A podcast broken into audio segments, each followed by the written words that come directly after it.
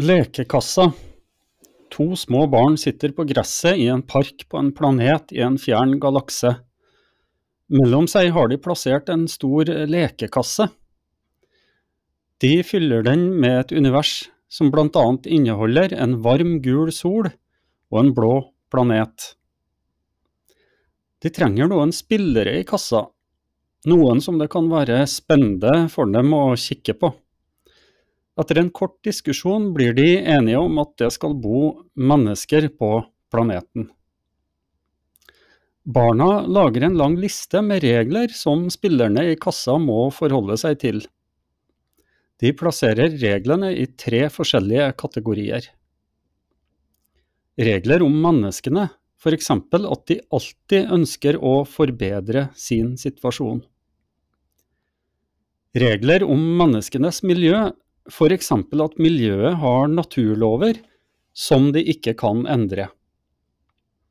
Og regler om logikk, f.eks. at samarbeid gjør dem i stand til å bygge.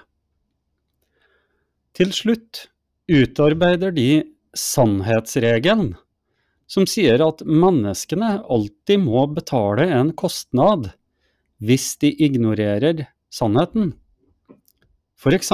hvis de lyver, eller de ikke respekterer de andre reglene.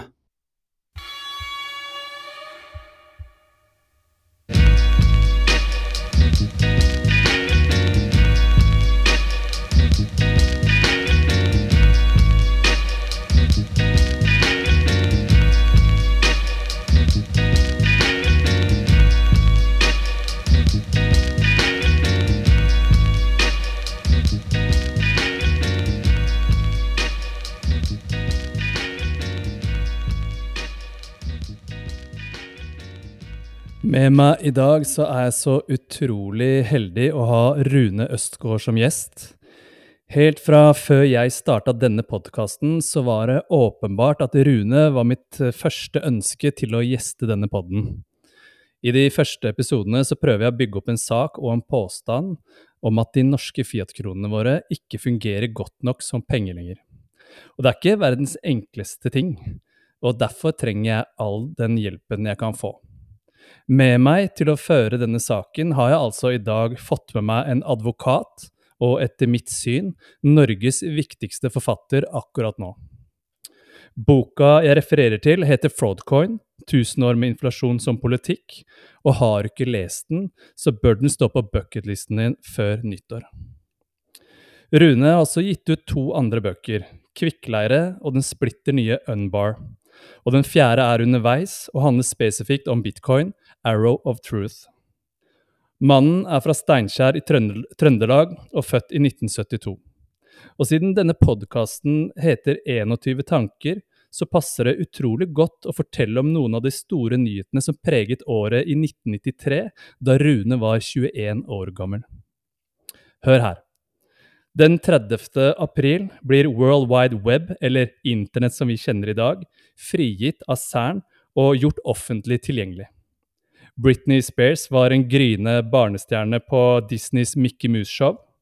Oslo-avtalen mellom Israel og Palestina blir undertegnet den 20. august, og en gigantisk forfalskende liga har trykket opp 180 millioner i falske tusenkronerssedler, og blir avslørt i Trondheim den 4. april.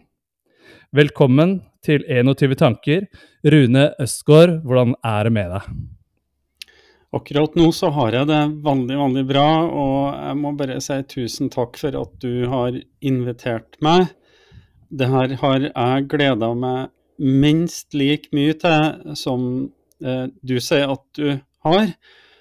Og jeg må bare få begynne med å si det med en gang, at du var den første av alle bitcoinere i hele verden som leste Fraudcoin jeg tok kontakt med deg og spurte om du kunne være interessert i den, og det var du, og da sendte jeg deg boka, og da betalte du til meg noen få sats, for det in in insisterte du på, og det var mine første sats, og det er ganske nøyaktig ett år siden.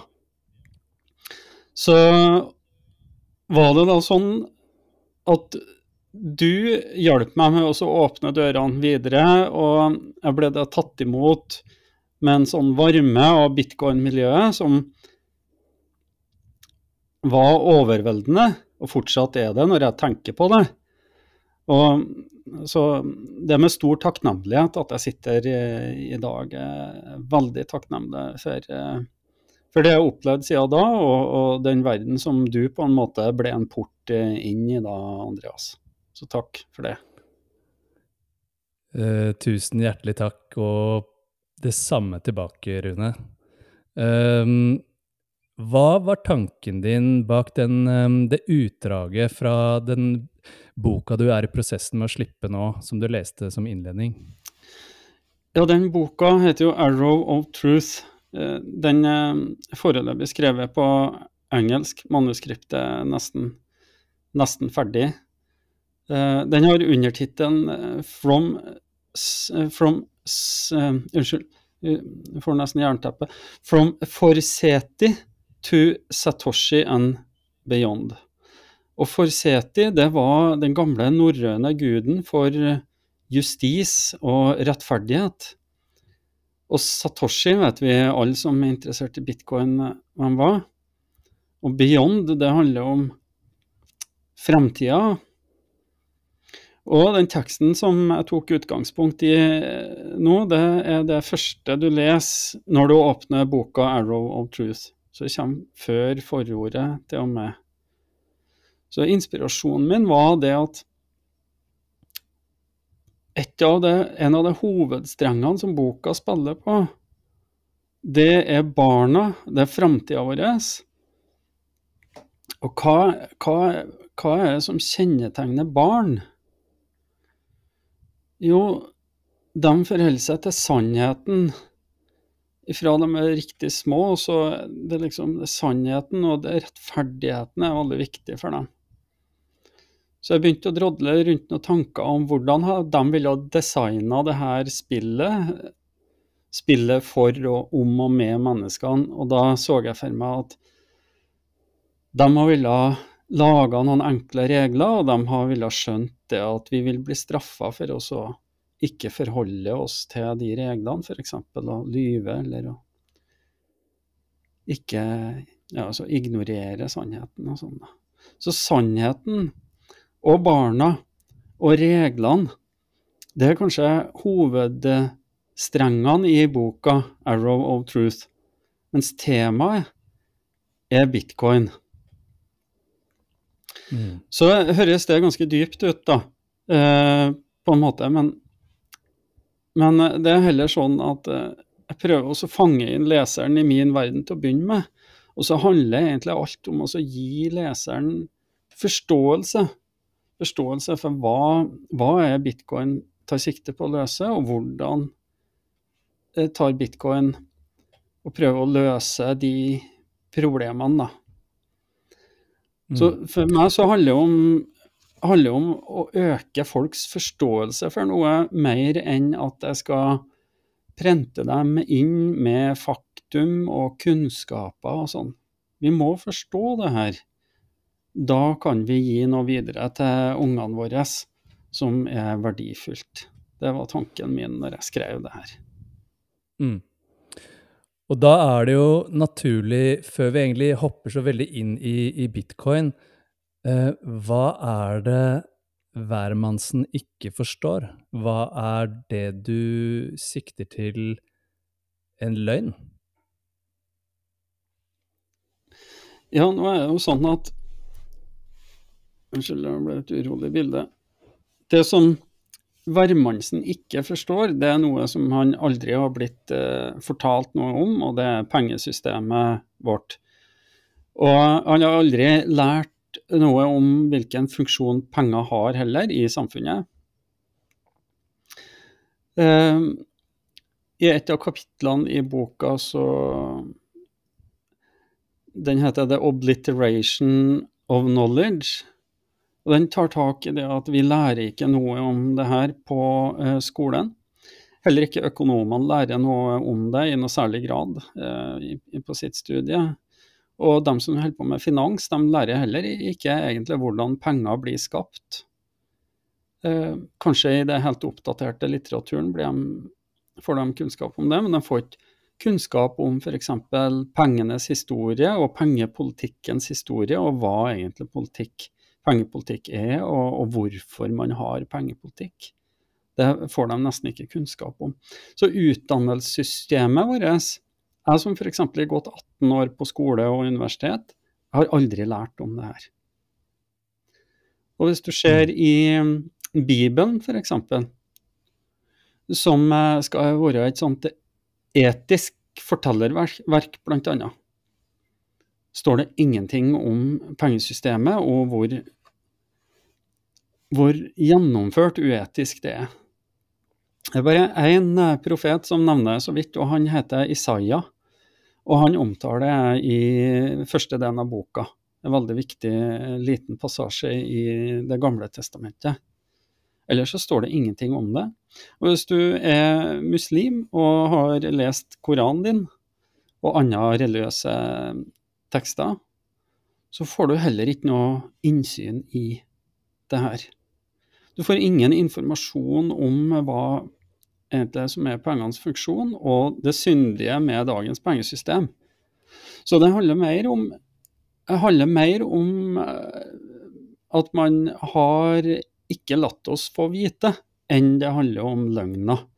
Og så kommer, senere, så kommer løgnene senere, når folk begynner å forstå, og man er redd for at de skal forstå mye. Da handler alt om å lyve. F.eks. sentralbanksjefer de har som en av de viktigste, vil jeg påstå, oppgavene at de lyver, eh, at de lyver om eh, hva, hvordan systemet fungerer, og hva det er som skaper inflasjon. Det er ganske drøye påstander, Rune. Eh, penger er jo bare penger. Hvorfor skal vi liksom tenke på det? Vi, vi, det er jo bare en runddans som skal gå. Lønn inn på konto og ut og ja, spare litt og kanskje dra på ferie. Hvorfor i all verden skal vi liksom bry oss om penger? Du kan si det sånn at um, sånn rent analytisk så har jeg falt ned på at uh, hovedfundamentet for samfunnet vårt, uh, for at vi kan være sammen, mange mennesker, og fungere godt sammen, det er trossystemet vårt i bred forstand. Altså, hva er det vi tror på? Hva er, hva er mennesket? Hva er samfunnet? hvordan tenker vi om forholdet mellom f.eks. For stat og individ. Det er trossystemet, og det påvirkes bl.a. av religion og en del andre ting òg. Og så har du i laget oppafor der, da, det som jeg kaller lag 1, der har du pengesystemet. Det vil være typisk et utslag av hva vi tenker om oss sjøl, hva som er trossystemet vårt. Hvis vi er veldig opptatt av frihet og respekt for andres eiendomsrett osv., så, videre, så vil vi promotere pengefrihet. At folk får lov til å bruke de pengene de vil. Hvis vi eh, ønsker eh, herskere, ønsker at andre skal ta beslutninger for oss, så får du et eh, pengemonopol som er kontrollert av herskerne, typisk da staten, et demokrati. Eh, og så får du da på toppen av det resten av samfunnet. Så resten av samfunnet vil utvikle seg ulikt, avhengig av hvilket pengesystem vi har. Og pengesystemet vil være forskjellig, alt avhengig av hva vi tror på. Så det er det på en måte det analytiske rammeverket som jeg falt ned på. Også til spørsmålet ditt. Hva er så pengene og pengesystemet? Og da har jeg falt ned på at hvis jeg skal hvis jeg skal oppsummere det i én setning, så vil jeg si det at pengesystemet er det kraftigste sosiale nettverket som noen gang har eksistert. Mm. Jeg hadde en uh, liten tanke her uh, før uh, vi skulle spille inn denne mm, podkasten, som jeg var litt nysgjerrig på. Um, jeg var litt nysgjerrig på om du kan huske ditt første barndomsminne når det gjelder penger eller verdi. Hva er ditt første minne? For jeg husker godt mitt, og jeg kjørte forbi det stedet der jeg husker ah, der, der drev jeg og hakka små hvite steiner på en fjellknaus sammen med andre unger i borettslaget jeg var oppvokst. Og da, da, husker jeg godt at disse hvite steinene vi hakka løs fra fjellet, ja, de måtte være verdifulle. og så er jeg nysgjerrig, da. Hva er ditt første minne, Rune? Jeg tror det antageligvis må ha vært at jeg var med mora mi i banken, for hun jobba i banken i Surnadal, der jeg hadde mine første år.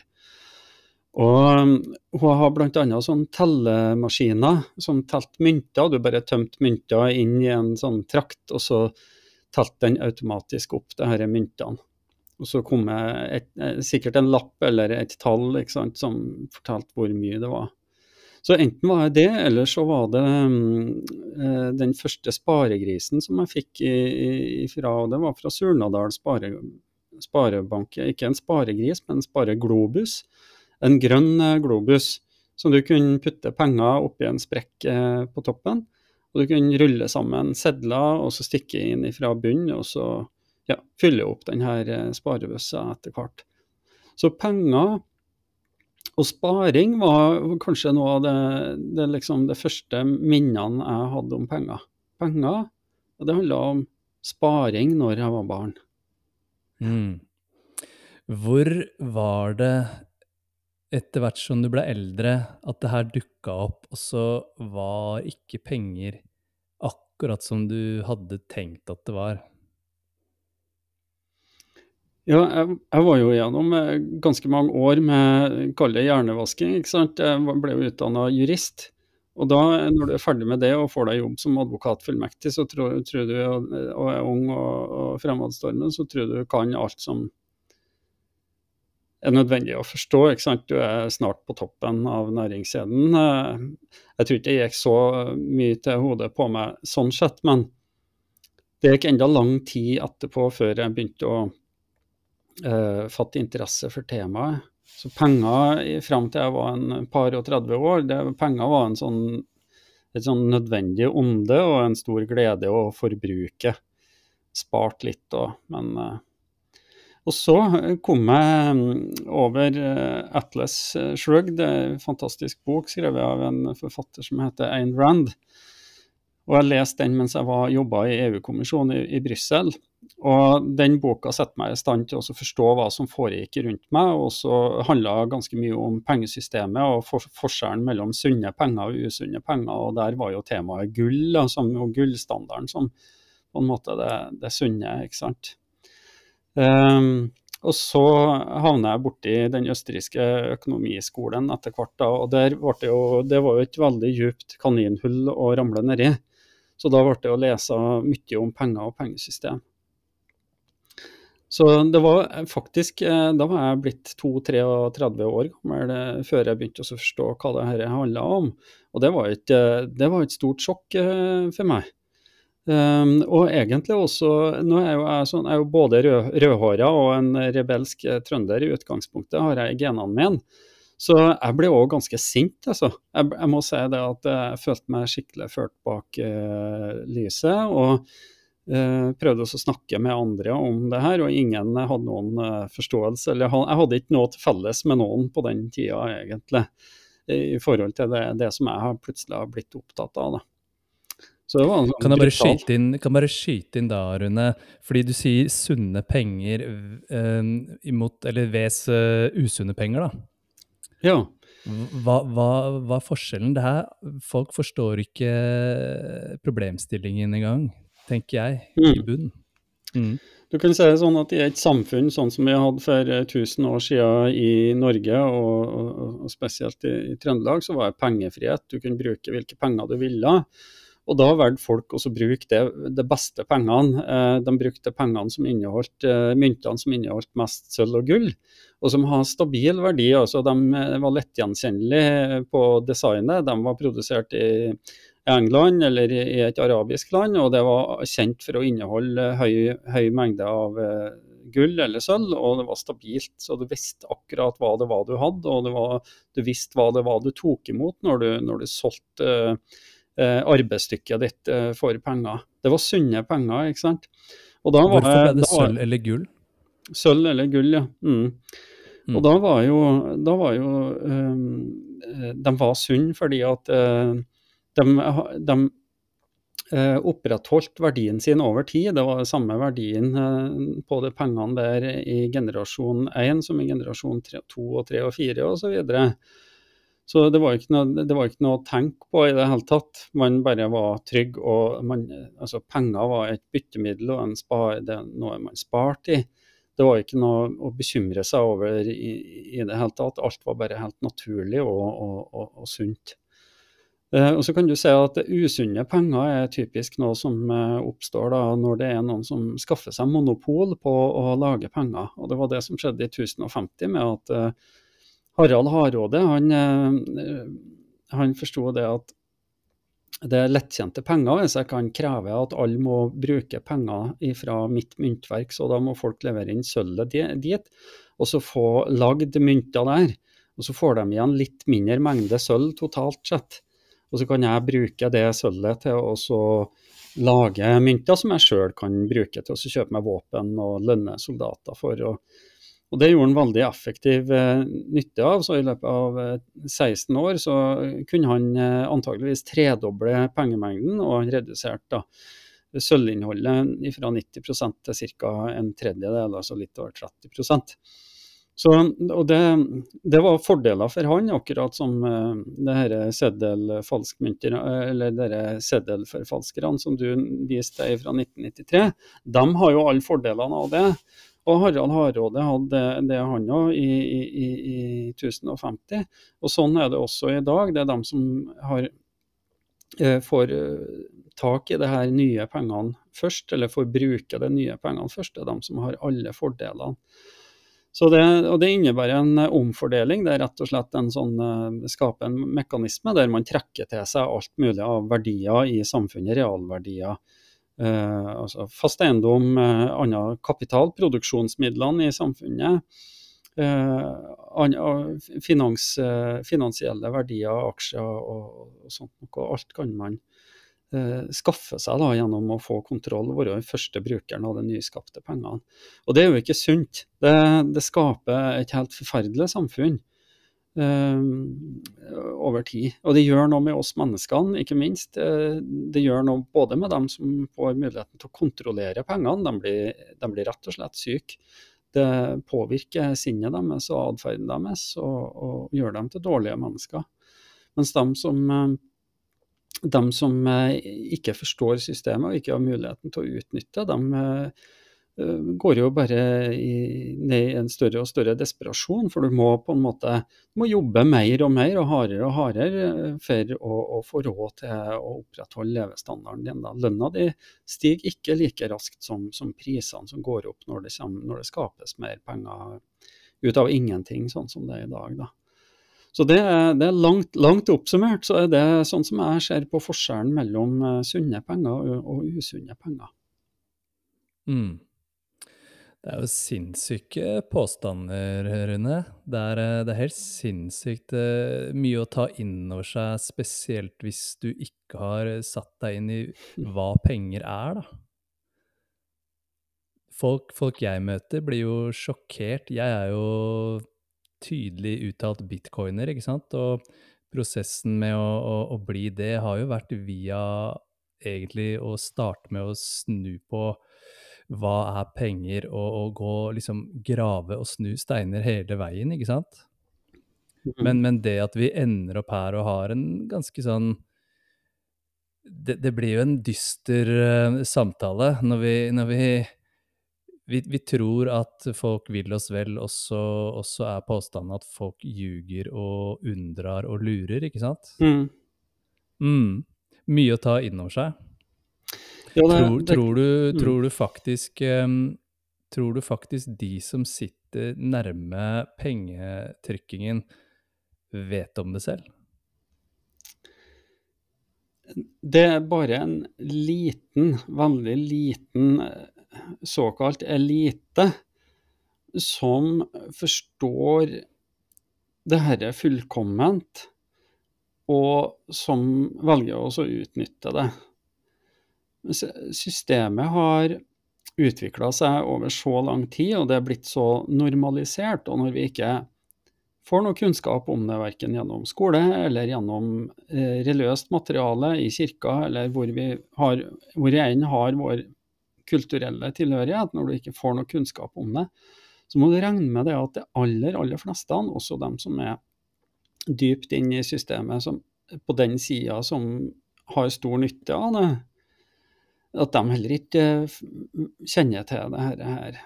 Så folk som jobber i bank, f.eks.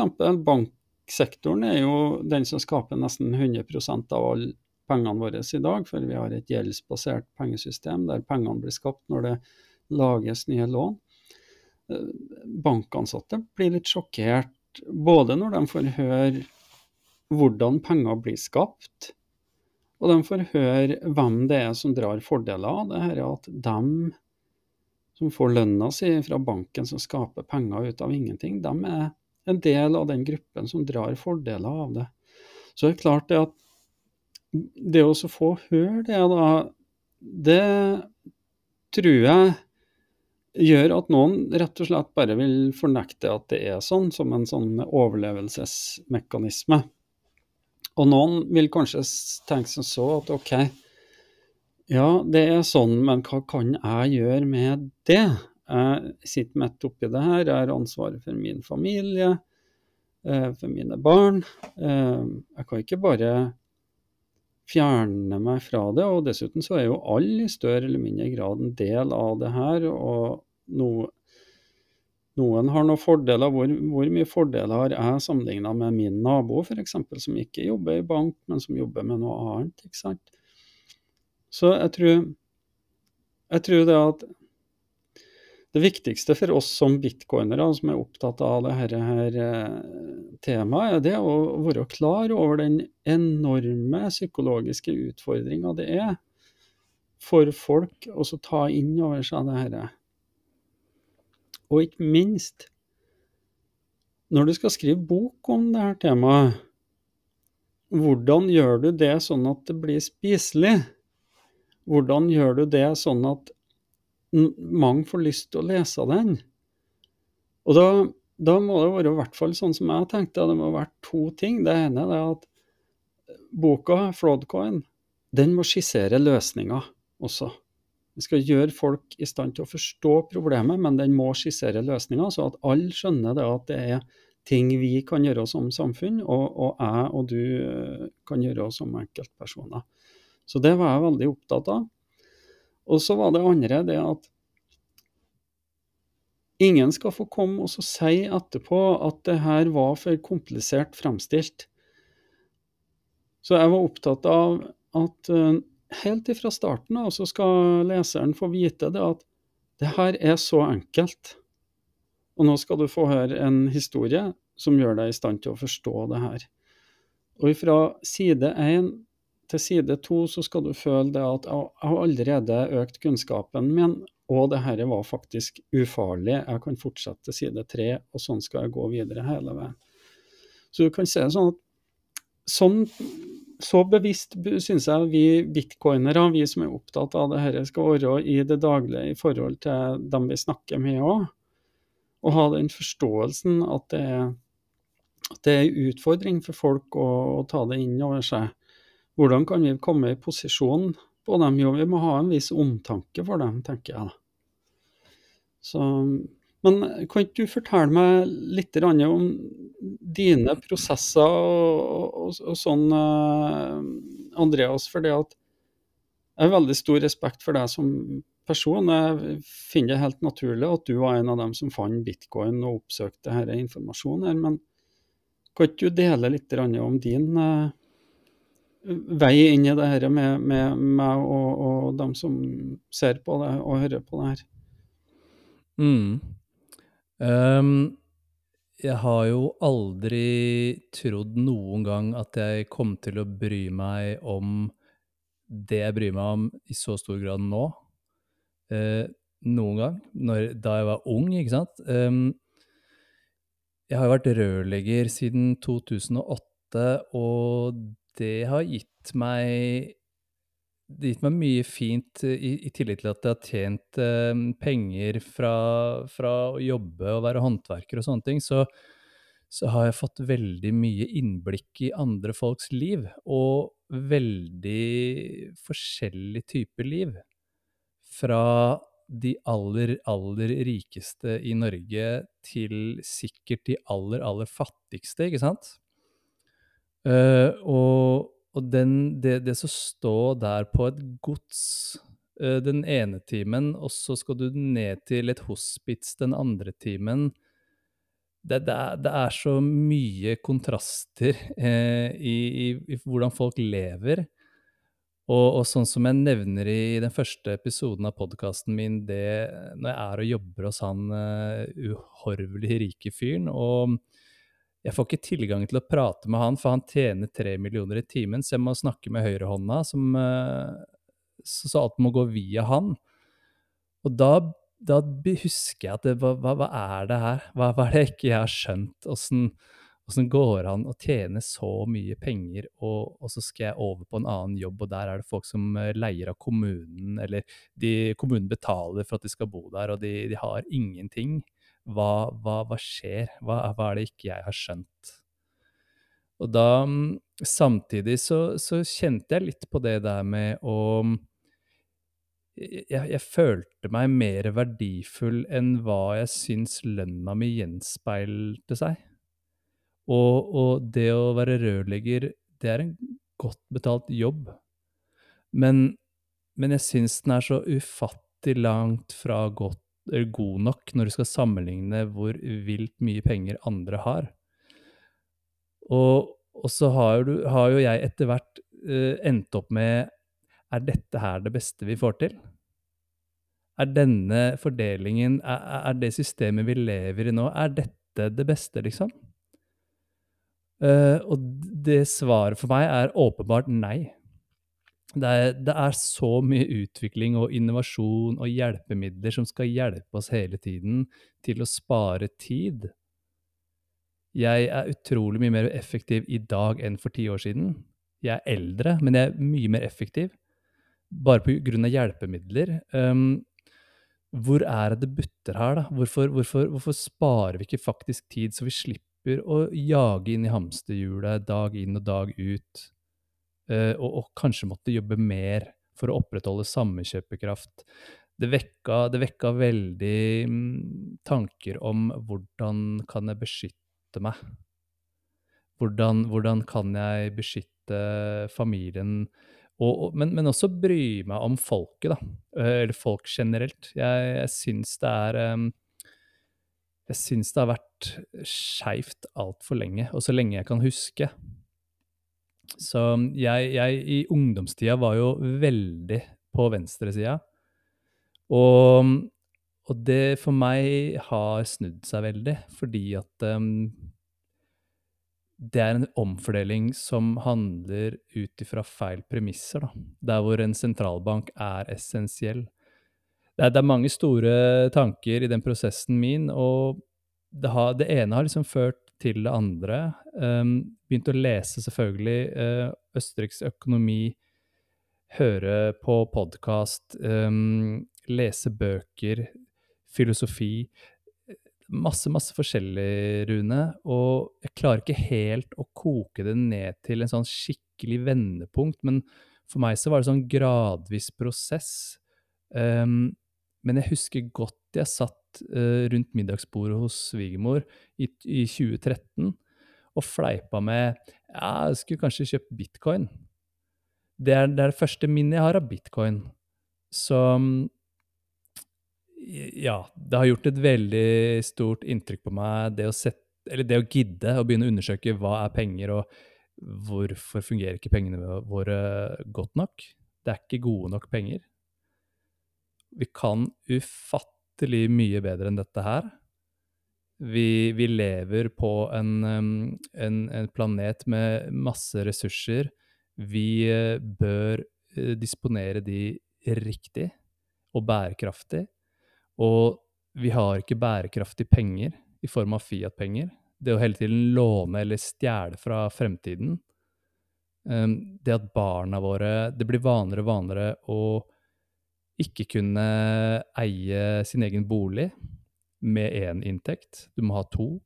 Kanskje etter hvert må du ha en husholdning med uh, tre inntekter eller fire fordi man må ta på seg to jobber. Det her, tenden, tendensene er veldig sånn destruktive over tid. Og for meg så klarer ikke jeg å se hvordan vi kan kunne reparere det i det eksisterende systemet. Jeg er ikke i bitcoin fordi jeg skal kjøpe Lamborghini. Jeg er i bitcoin fordi at uh, vi kan ikke trykke en, en haug av penger uten kostnad, fordi de nye pengene som skapes, skal konkurrere om de faktiske, virkelige ressursene i denne verden. Mm. Og da driver vi hele tiden og, og, og, holder krav på de kommende tingene da, som vi får tilgang på etter hvert som ting eh, opp, dukker opp eller blir tilgjengelig, ikke sant? Så ja, det har vært en lang prosess. Uh, jeg, jeg, begynte ordentlig for alvor i 2017 å sette meg inn i bitcoin. Jeg føler meg heldig som aldri har um, snubla inn i shitcoins og alt mulig annet som prøver å være en forbedring av bitcoin, som åpenbart ikke forstår hele poenget med bitcoin, mm. som skal forbedre perfekte penger. Um, så Nei. Jeg mista litt uh, tråden der, Rune, men men det er i hvert fall uh, min prosess, og den er pågående hele tiden. Mm. Den, den, er, den, er, den er, er, i utvikling, og som sagt, jeg er ikke i bitcoin for å, å cashe ut billig eller, tidlig. Jeg, jeg, har mye, mye, mye større tanker for hva jeg ønsker for samfunnet vårt, enn at uh, jeg skal være den som kjøper Lambo i gata. Det er, det er, helt, det er helt, på bærtur. Mm. Så, så det er uh, driver, driveren min, altså. Det er artig at du, at du forteller om dette. Altså, min, eh, min, utvikling gikk jo òg gjennom bøkene, som sagt. Og, og, og, gjennom bøker så kan du jo oppdage mye. Du kan få økt kunnskap ikke sant? og kjenne faktum og sånn. Men du kan også få økt forståelse for noe, både for hvem du er sjøl, hvem du har rundt deg, og det temaet du leser om. ikke sant? Men uh, noe som var veldig fascinerende for min del, når jeg begynte å lese bøker og begynte å utforske verden gjennom bøkene med å stille stadig nye spørsmål som jeg oppdaga at var interessant, det var jo det at du, jeg tok i bruk stadig nye deler av hjernen. Så det var nesten så det føltes som at hjernen den vokste hele tida. Det var, det var Jeg vil ikke kalle det sånn orgasmiske følelser, men det er bare en sånn god følelse at du kjenner at uh, hjernen uh, blir tatt i bruk, og den gleder seg over hele tida å få ny forståelse. og den lager stadig nye koblinger mellom det gamle som du kunne, og det du har opplevd, og det nye som du har lært deg. Og det var på en helt annen måte enn det jeg opplevde eh, lesing i skolen. Lese til prøver eller til eksamen, eller å lese for å skrive en oppgave osv. Så, så når jeg begynte å lese frivillig fordi at jeg hadde lyst til å lese akkurat de bøkene som eh, ja, dem som jeg sjøl kunne velge, da, i stedet for at noen forteller at du skal lese den samfunnsfagsboka her nå i år, det var, det var sånn eh, Jeg tror det var en helt avgjørende eh, ting for min egen del, da. For at jeg i hele tatt kunne hamle, ramle ned i det her eh, pengekaninhullet. Så det å oppdage hvordan hjernen setter pris på å bli eksponert for eh, litteratur og ting som du sjøl frivillig velger, det var bare sånn Jeg kjenner, kjenner enda igjen den følelsen der. Den var så god, den. Og da, når, når jeg åpna opp for det, så kom resten, på en måte. Og hvis en klarer å vedlikeholde det med lesing, da Sjøl om en har blitt bitcoiner og tror en har forstått det meste kanskje om penger, og man har blitt eh, litt sånn kynisk i forhold til hvordan samfunnet fungerer og sånn, så jeg tror det er noe som en kan ha stor, stor glede av uh, hele livet. da. Jeg gleder, jeg gleder meg til å begynne å lese litt igjen, uten at jeg nødvendigvis gjør det for jeg skal skrive bok om temaet, f.eks. For, for den mm. følelsen der er helt fantastisk. Mm. Mm.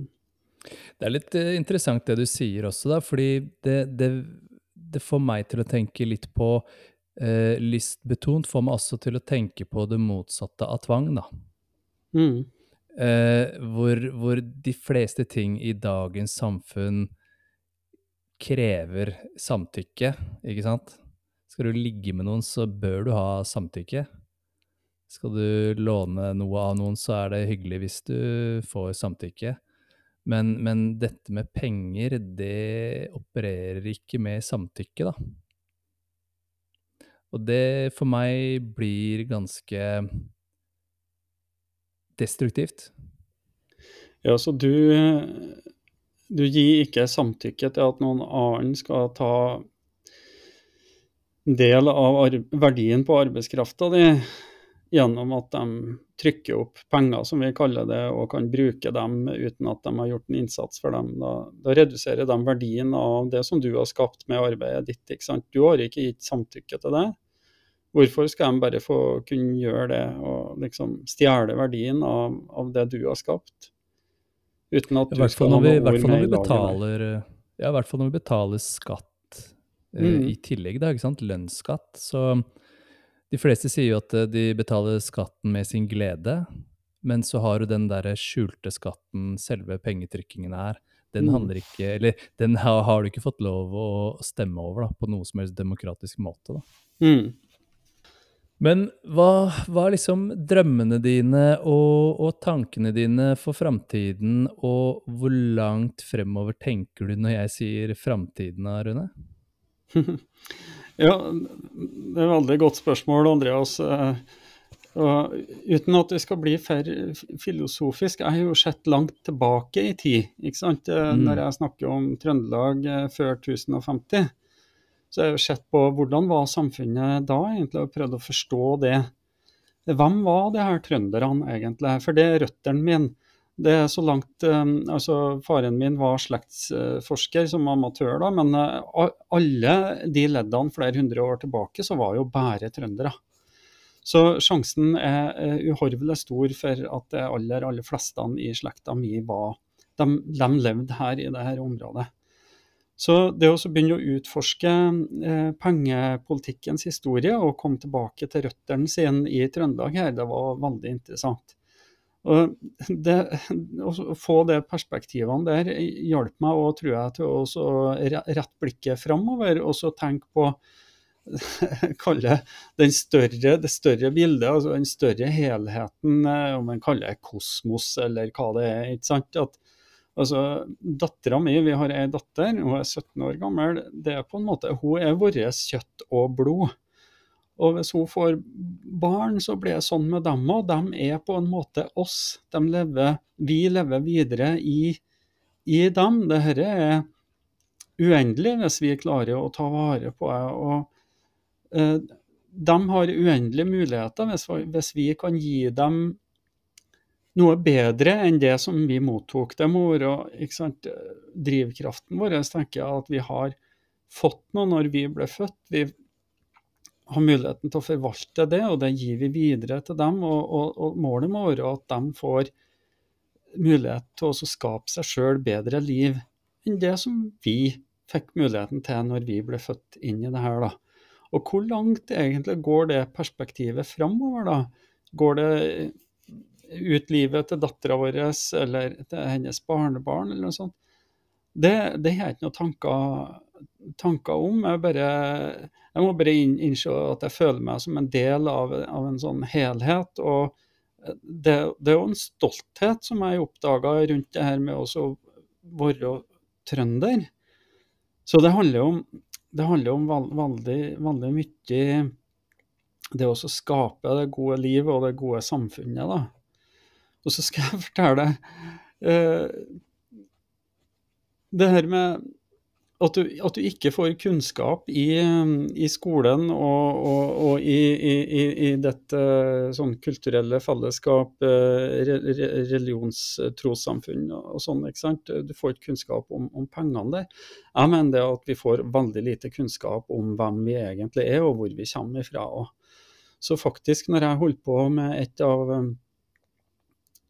Holdt på med, med slutten av Eh, av manuskriptet til 'Arrow of Truth', sannhetsspill, da begynte jeg også å tenke på hva betyr egentlig trønder?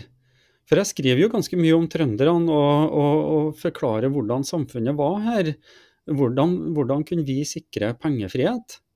Som var på en måte grunnlaget for all den andre friheten vår den gangen for 1000 år siden. Og jeg har funnet så mye paralleller mellom det og hvordan bitcoin løser eh, en del av det samme problematikken rent teknisk, med desentraliserte løsninger og eh, det sosiale laget av bitcoin f.eks., som er utrolig viktig som beskyttelsen av eh, selve teknologien. Det samme var i, i, for 1000 år siden. med det sosiale laget, altså familiene, nettverket, lokalsamfunnet, som var beskyttelser som altså det som beskytta koden, som den gangen var Frostatingsloven. Mens nå er bitcoin og protokollen, ikke sant, det softwaren. Så eh, nå holder jeg nesten på å miste tråden her, da, men det med å eh, Jo, og, og, så jeg fikk sånn respekt når jeg dykka ned i det her, for det her er virkelig røttene mine, og det her var veldig verdifullt. Og, og, og måten og i og med at trønderne var så opptatt av denne friheten og verne om disse rettighetene sine, så smitta det over på resten av Norge sannsynligvis også, sånn at man eh, kunne opprettholde pengefrihet mye lenger i resten av Norge, og fordi at trønderne har så stringente regler. og Det var bl.a. motstandsretten. da, og, og, plikten til å drepe kongen hvis han tok uh, ting uten at det var godkjent på, på Frostatinget. Så da hadde du plikt, alle har plikt til å kjempe for friheten, og det er eneste måten å gjøre det på når kongen var en, en som ville stille seg over loven, det var også å ta livet av en, rett og slett. Det hadde du plikt til. Og så begynte jeg også å lure på da, eh, burde ikke jeg skrive hva trønder betyr? Og, for det visste jeg jo ikke. Altså, jeg kjente ikke til min Jeg kjente ikke til kallenavnet mitt, for å si det sånn. Ikke sant? Hvorfor gjør jeg ikke det? hvorfor har jeg aldri fått opplæring om det? Og så begynte jeg å spørre Astrid, samboeren min, og så spurte jeg Mattis, som jeg lager boka med, som er innflytta trønder, ikke sant. Og, og, og spurte flere, og ingen visste hva trønder betyr. Og så viser jeg det at trønder betyr sterk og fertil. Altså mm. fruktbar. Sterk og fruktbar. Uh, og det med henblikk på folket, da. Det folket, ikke, ikke fruktbarhet i, i, form av landet. Landet og oppi henne er jo veldig fruktbart, det er veldig stabilt klima. Det gir mulighet til å være eh, Altså, du kan dyrke ting her og sånn, men det var folket. Trønderne. Det var sterke mennesker, og de var fruktbare. Det, sånn, det er det som er oss. Og hvorfor, hvorfor, har jeg aldri fått vite det? Er det fordi at jeg ikke skal være stolt over eh, hvem jeg er? Det er viktigere, viktigere, at jeg blir forklart og har klart for meg hva en nordmann er, og at jeg må nærmest tilbe demokratiet som vi har, osv innrette meg etter det systemet som vi har. Derfor, Du får jo mye sånne tanker. ikke sant? Men eh, i, i løpet av denne her prosessen nå, og det har vært en positiv prosess da, å jobbe med, med, med, temaet bitcoin, det å sette det inn i det dette perspektivet. Hvem er du? Respekt for sannheten, det at du må kjempe for friheten, det at du skal gjøre det her sammen. Du må beskytte koden. Eh, du skal gi det her videre til etterkommerne dine. Det gjør òg at du får noen andre perspektiver som handler om at eh, eh, det her eh, er ikke noe som du skal ha på plass og ha en endelig bitcoinisering i 2025, f.eks. Det handler om å forstå det at det her er en, en prosess, og at du, du, har en plikt til å spille, finne din rolle. Du har en plikt til å samarbeide med dem rundt deg. Hvis du skal ta vare på det dette og, og øke og, og, beskytte din uh, frihet. Det pliktelementet har dukka opp der, da. Så det er enda en gang veldig langt svar fra min sin side, da, men uh, du stiller gode spørsmål og får meg til å reflektere litt underveis òg. Så men, men Andreas, uh, altså du har jo òg barn, uh, mm. jeg har forstått. De er mindre mm. enn en ungene, ungene mine. Og Nei, jeg, jeg, ja, jeg, jeg, er stepappa til to, og så har vi sammen én. Så hun eldste er 18. Ja. Så da er hun ett år eldre enn din, da. Ja, det er ja. Mm, mm. Hvordan, hvordan, har du tenkt i forhold til altså For når vi ser oss rundt, det, så er de jo på vår alder og litt yngre og, og, og litt eldre, de som er inne inn, inn, inn i bitcoin. Mm. Hvordan har du tenkt på den der koden i forhold til å, å, å, å få, få, det her i, til å bli noe som ungene, eller ungdommene, da, um, finner helt naturlig å, å, å, snakke med oss og snakke med, med, sine venner om hvordan mm. skal vi få åpna opp de mulighetene for dem. Det var veldig, veldig jeg, jeg, fikk en sånn dyp innsikt for eh, Det begynner å bli noen år siden nå, men det at eh, det var så tydelig at eh, mellomste ville ha virtuelle penger i form av spillepenger. Fortnite V-bucks. Og, og, da spurte jeg, men vil du ikke heller ha 100 norske kroner? Nei, jeg vil ha V-bucks. Og da var det sånn Oi, jeg er dinosaur fordi det kan faktisk være sånn at noe virtuelt eller digitalt kan verdsettes av noen. Og, og, og da i hvert fall av de som er unge, ikke sant? Så, så han ville faktisk ha V-bucks istedenfor norske kroner, for det var mer verdifullt akkurat der og da. Og verdi, verdisyn er en helt personlig ting. Mm. Uh, så, så, så, det ga meg en sånn tanke at oi, ja, vent da, det det er jeg som misforstår. Det er, det er faktisk det, reglene her er helt forandra. Det kommer en generasjon som er um, mye mer De er utålmodige, og de er effektive. De er gode på teknologi. De, de, de, har, de har lyst på kjappe svar. De er gode til å undersøke. Det, det, det, er helt sinnssykt hvordan de klarer å tilegne seg ting. Og da er, det ble en sånn åpenbaring. Bare wow, her må jeg få opp øya, fordi Kanskje det, der, eh, kanskje det er noe med det bitcoin-greiene som ikke jeg helt skjønner. Mm. For å dra det tilbake dit, da. Uh, men, men, det med verdi, det er en, uh, en helt sånn personlig ting. Og Å se på barna hvordan Én ting er verdifullt den ene dagen, og så, og så har det mista all verdi tre dager etterpå, for da er det ikke, er det ikke inn lenger.